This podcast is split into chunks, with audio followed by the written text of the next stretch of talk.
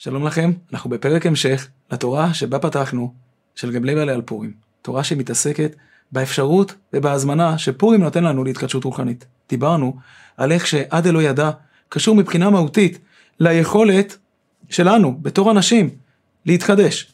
כמו שפורים הוא חג שבו מתרחשת התחדשות אה, בטבע, כמו שפורים נמצא לפני פסח ומאפשר לנו את ההתחדשות של חג הפסח, כך בעד אלוהי ידע הקטן הזה שאנחנו עושים, אנחנו בעצם מאפשרים לעצמנו איזושהי התנקות של העולם הפנימי שלנו בשביל לאפשר את ההתחדשות. הדברים האלה מסבירים עוד כמה נקודות מאוד יפות שאנחנו פוגשים בפרטי העניינים של חג הפורים. במובן הזה, אולי נוסיף עוד כמה דברים. יום כיפורים ופורים מאוד דומים. האריזל כבר דרש שיום כיפורים הוא כמו פורים. יש לזה כל מיני הסברות בעולמם של הדרשנים, של החסידים, בלייבלה פה צובע את זה בצבע מיוחד. הוא אומר, מה קורה ביום כיפור? ביום כיפור אנחנו באים ואומרים שאנחנו רוצים לפגוש את העולם הפנימי שלנו. איך אנחנו עושים את זה? אנחנו משתיקים את כל העולם הגופני. חמישה עינויים שהעניין שלהם הוא להגיד, הגוף שלנו משפיע עלינו, הגוף שלנו כובל אותנו, הגוף שלנו מכביד עלינו. אנחנו רוצים לתת לעצמנו יום אחד בלי הגוף. לנקות את הגוף כדי לפגוש את העולם הפנימי שלנו נקי, שלם. פורים זה עוד יותר עדין. בפורים הוא כמו יום כיפור, אבל מטפל במערכת הרבה יותר עדינה. מסתבר שלא רק הגוף שלנו משפיע עלינו, גם התודעה שלנו משפיעה עלינו. גם התודעה שלנו, גם הנפש שלנו משפיעה עלינו. חוסמת אותנו, חונקת אותנו. אנחנו רוצים לרגע לאפשר לנשמה שלנו, למקומות הכי עמוקים שלנו, לצוץ בלי הגבלה, בלי שום לבוש, לא רק לבושים גופניים, אלא גם בלי הלבושים והעיצובים של העולם הפנימי. אנחנו מבקשים בפורים לנקות את הכבלים הפנימיים של התודעה, את המחסומים הנפשיים שחוסמים ולוכדים את החופש שיש לנו בתוכנו להיות הרבה יותר גדולים, להיות אחרים. ולכן בפורים אנחנו מסלקים את התודעה. כדי שהתודעה לא תפריע לעולם הפנימי שלנו לצוץ. באופן פשוט, אפשר לומר שהדבר הזה משחזר משהו ממתן תורה. חז"ל אה, דרשו שהדר קיבלוה בימי אחשורוש, קיימו וקיבלו היהודים. מה זה קיימו וקיבלו? קיימו מה שקיבלו כבר. את מה קיבלו? קיבלו את התורה. מסביר רב לייבלה, מה זה קיימו מה שקיבלו כבר? אומר, עם ישראל משחזר פה משהו שקרה במתן תורה. במתן תורה עם ישראל קיבל תורה, אבל חז"ל משמיעים לנו במסכת שבת, איך הייתה קבלת תורה? עם כל דיבור ודיבור, אמרו חז"ל, יצא נשמתם של ישראל. כל מפגש עם התורה, כל מפגש עם כל דיבור של התורה, הוא מפגש חדש.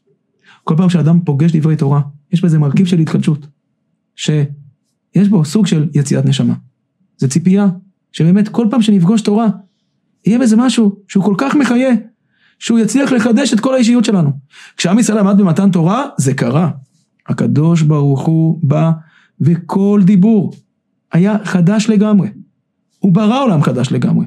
והנשמה הקודמת התחלפה וחזרה להתחדש באור חדש. עם ישראל בפורים עשה את אותו דבר. קיימו מה שקיבלו כבר. הם אמרו, אה, איך קיבלנו אז תורה? ככה הייתה קבלת תורה. מסתבר שגם עכשיו זה צריך לקרות ככה, זה צריך להתרחש ככה.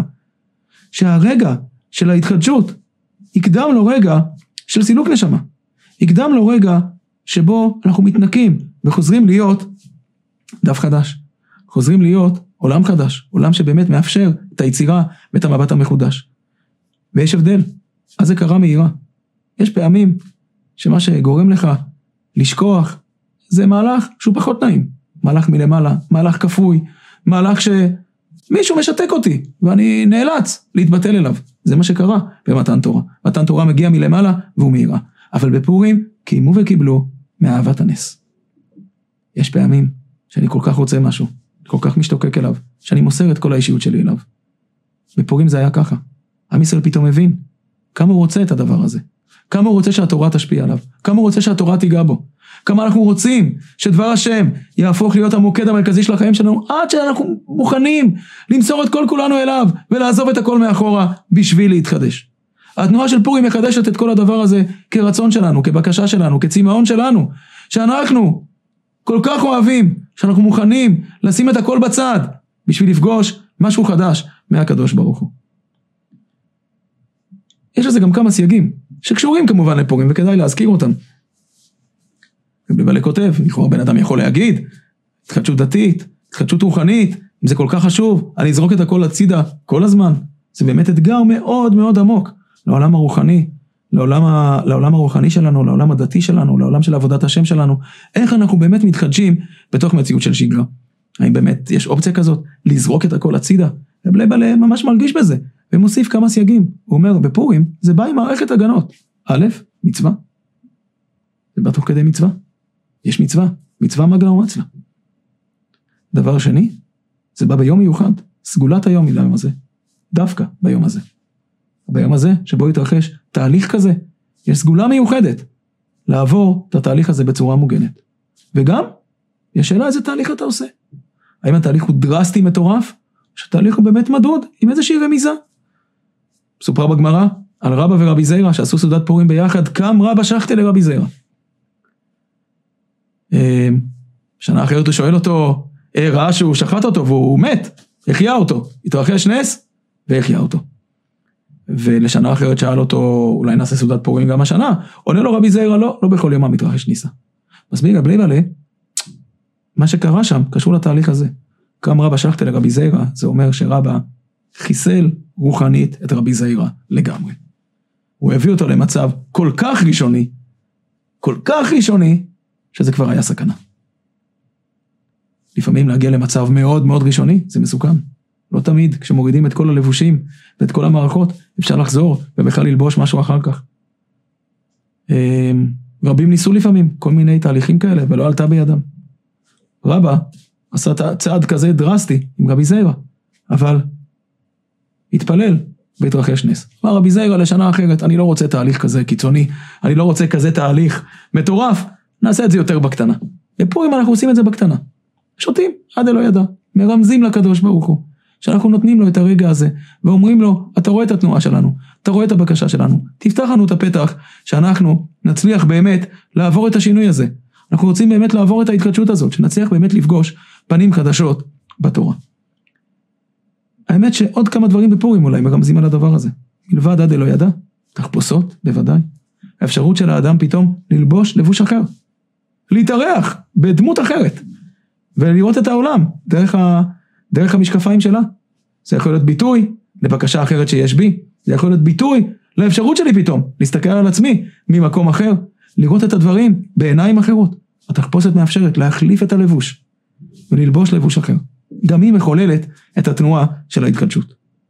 ונדמה לי שלא פחות מזה על הציר הזה, גם את משלוח מנות אפשר לראות ככה.